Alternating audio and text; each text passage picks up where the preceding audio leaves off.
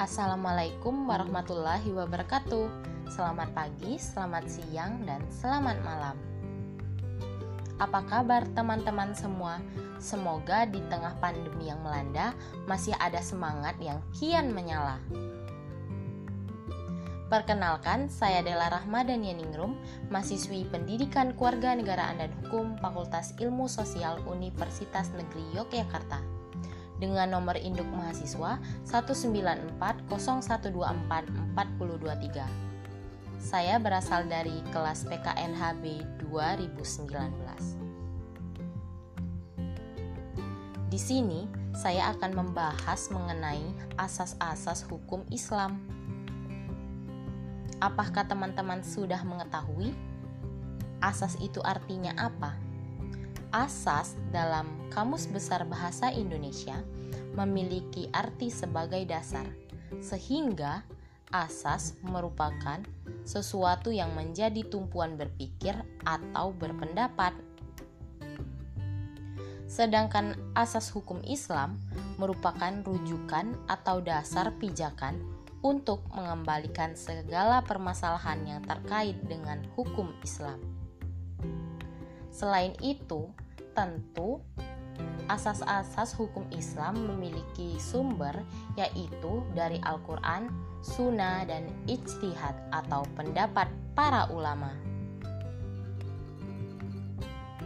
Sebelumnya, saya juga akan memperkenalkan macam-macam asas hukum Islam.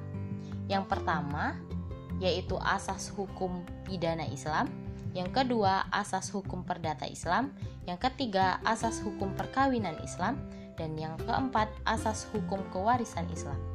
Namun, pada kesempatan kali ini saya akan membahas secara spesifik mengenai asas hukum pidana Islam.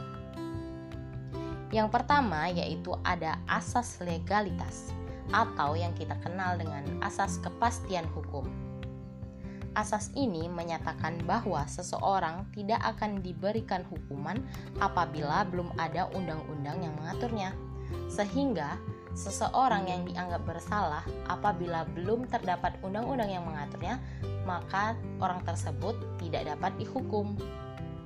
Yang kedua yaitu asas larangan memindahkan kesalahan kepada orang lain Nah, asas ini menyatakan seseorang yang melakukan maka harus bertanggung jawab. Tindakan tersebut tidak boleh digantikan oleh orang tua, saudara, kerabat, teman, dan lain sebagainya. Yang ketiga, asas praduga tidak bersalah seseorang yang didakwa apabila hakim belum menemukan bukti-bukti yang kuat dan orang tersebut belum mengakui kesalahannya, maka kita tidak boleh seuzon, teman-teman. Kita harus mengetahui bukti-bukti secara otentik terlebih dahulu. Bu Wiwit beli lemari, saya pamit undur diri.